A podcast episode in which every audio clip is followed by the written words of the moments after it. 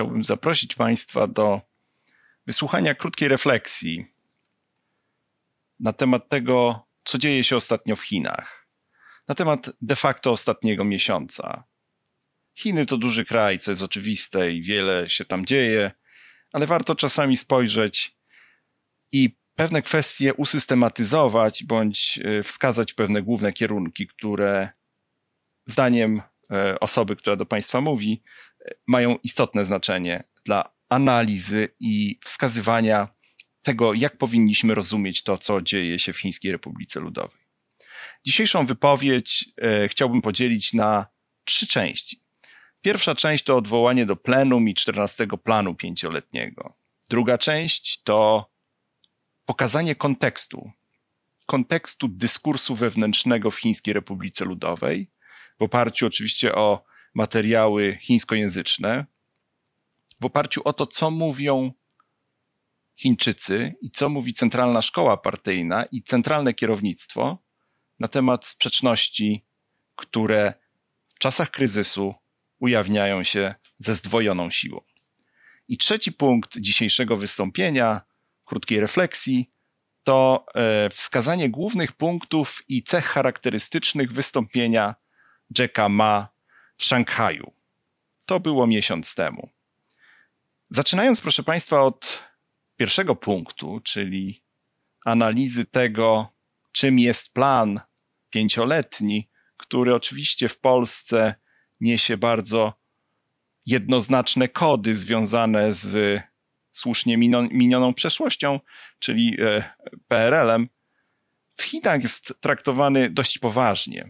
Dość powiedzieć, że sam plan pięcioletni nie powstaje w zaciszu gabinetów, że sam plan pięcioletni nie jest tylko wymysłem ekonomistów czy też stałego komitetu biura politycznego, ale przez dwa lata, tak przyjmują eksperci, konsultowany jest w gremiach międzynarodowych, w tym w Banku Światowym czy Międzynarodowym Funduszu Walutowym, ale także jest nakreślany przez setki analiz kondycji społeczno-gospodarczej Chińskiej Republiki Ludowej przez Chińską Akademię Nauk Społecznych.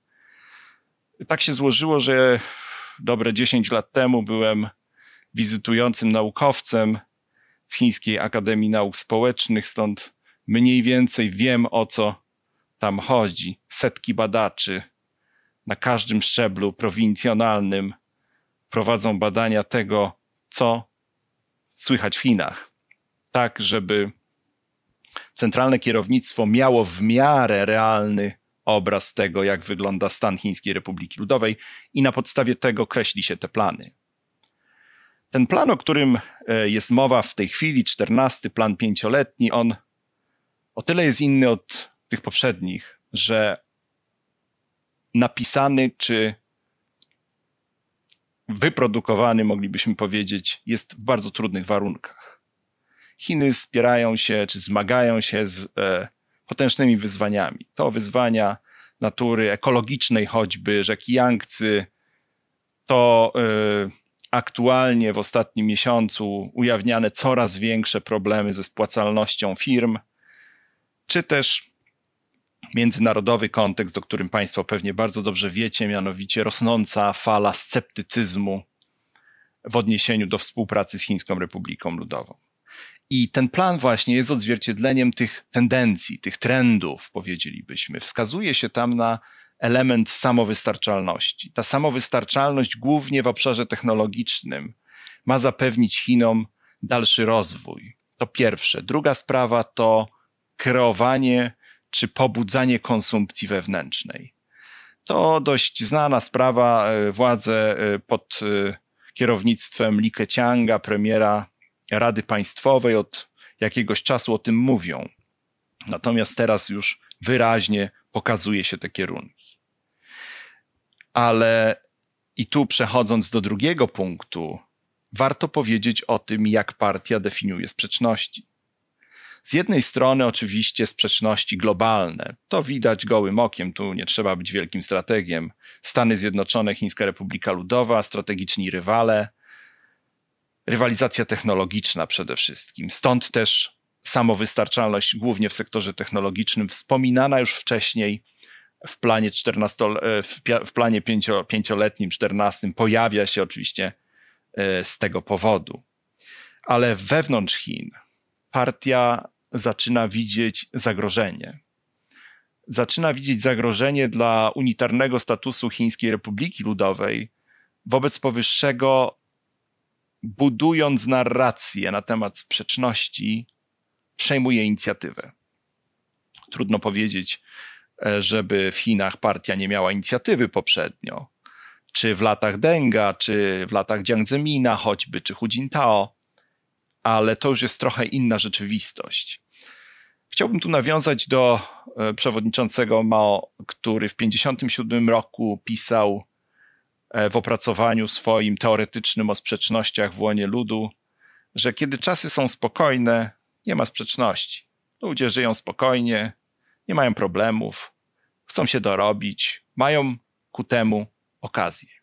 Ale kiedy czasy idą niepewne, a takie mamy teraz, czasy pandemii choćby, która wpływa na e, rozwój gospodarczy Chińskiej Republiki Ludowej, jakkolwiek Chiny by tym, e, tym tą pandemią czy COVID-em nie zarządzały e, z sukcesem, to wpływa łańcuchy dostaw, choćby załamanie gospodarcze. Na początku oczywiście to, co widzieliśmy na wykresach w marcu tego roku. I partia zaczyna mówić językiem takim, który przypomina partię, e, powiedziałbym, realnie wspierającą po pierwsze klasę robotniczą, a po drugie chłopów. Dość powiedzieć, że wszystkie rewolucje w Chinach, większe, które obalały cesarstwa, to były powstania chłopskie. Oczywiście teraz możemy powiedzieć, Chiny się urbanizują, taki jest model rozwoju. Tak, tylko w dalszym ciągu 600 milionów ludzi w Chinach żyje za 150 dolarów miesięcznie. To y, jest tego typu problem i partia to widzi i partia próbuje kreować się na taki organizm, który zarządza tym kryzysem. Wobec powyższego, definiując sprzeczności, które już widzimy przez lekturę dziennika ludowego czy choćby dokumentów centralnego kierownictwa, definiuje sprzeczności jasno. Teraz wspieramy biednych, mówimy, że należy wstrzymać bogatych. Jeśli Państwo y, rzucicie okiem też na kampanie polityczne, które toczą się w Chinach, mamy w tej chwili powrót do tego, żeby jechać na wieś. Znaczy, propaguje się wyjazdy na wieś w celu poznania prawdziwego życia, tak jak było w czasach moistowskich. Reedukacja. Y, być może dojdzie do takiej sytuacji, że elity biznesowe, chcąc utrzymać swój status, będą musiały podlec właśnie takim, y, takim elementom. Tego nie jesteśmy w stanie wykluczyć. I w tym kontekście definiowania sprzeczności, w czasach pandemii, w czasach rosnącego de facto problemu gospodarczego w Chińskiej Republice Ludowej, to partia jawi się jako ten sprawiedliwy, który zarządza społeczeństwem. Dość naturalne mechanizmy. I trzeci punkt, chyba najbardziej ciekawy, przyciągający uwagę, najbardziej y, y, ogniskujący zainteresowanie opinii chińskiej i globalnej, czyli wystąpienie Jacka Ma. Kiedy słuchałem tego wystąpienia w internecie w języku chińskim, miałem takie wrażenie, że ten człowiek, który, jak pamiętam jeszcze filmy o nim, jeździł starą zieloną Skodą po Pekinie gdzieś tam w latach 90., na początku czy pod koniec lat 80., to fascynat technologii. To fascynat technologii. W tym swoim wystąpieniu mówił o tym, że technologia jest w stanie kontrolować zadłużenie obywateli że dzięki technologiom, takim jak, nie wiem, sztuczna inteligencja, powiedzmy, czy internet rzeczy, państwo chińskie nie popadnie w kryzys gospodarczy. Sygnalizował tym samym, że biurokracja nie jest potrzebna, że to technologia zastąpi biurokratów jako kontrolerów tego rynku, tego segmentu gospodarki. Uderzył w bardzo czuły punkt. Uderzył w biurokratów. Mówił, że biurokraci to grupa, która produkuje niepotrzebne dokumenty, nawet powiedział tak po chińsku bardzo ładnie, jeśli wyprodukujesz jeden dokument, wy, skasuj trzy poprzednie. Innymi słowy, Jack Ma jest zwolennikiem deregulacji. A biurokraci wiadomo, to zwolennicy kontroli i regulacji. Biurokraci w ogóle w historii Chin są bardzo istotną i ciekawą grupą i obiektem, powiedzmy sobie w cudzysłowie, badań. To grupa bardzo uprzywilejowana, która czerpie korzyści ze swojego statusu. Nie może pozwolić sobie na to, żeby człowiek z Zhejiangu mówił o tym, że biurokracja jest niepotrzebna, że produkuje stosy niepotrzebnych papierów.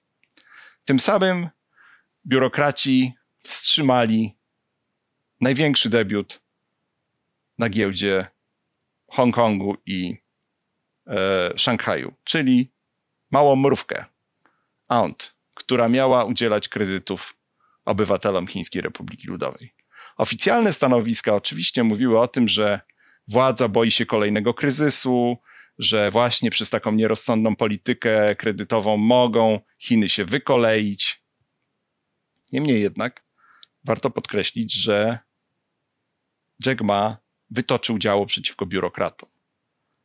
I mimo, że media spekulują, że to sam przewodniczący Xi zdecydował o tym, żeby grupa Jacka Ma nie została wciągnięta na listę debiutów, nie ściągnęła kapitału z rynku, to jednak główny w moim przekonaniu element tej układanki leży na poziomie właśnie sprzeczności między nowocześnie myślącym, technologicznie może tak, myślącym Jackiem Ma, a strukturą biurokratów.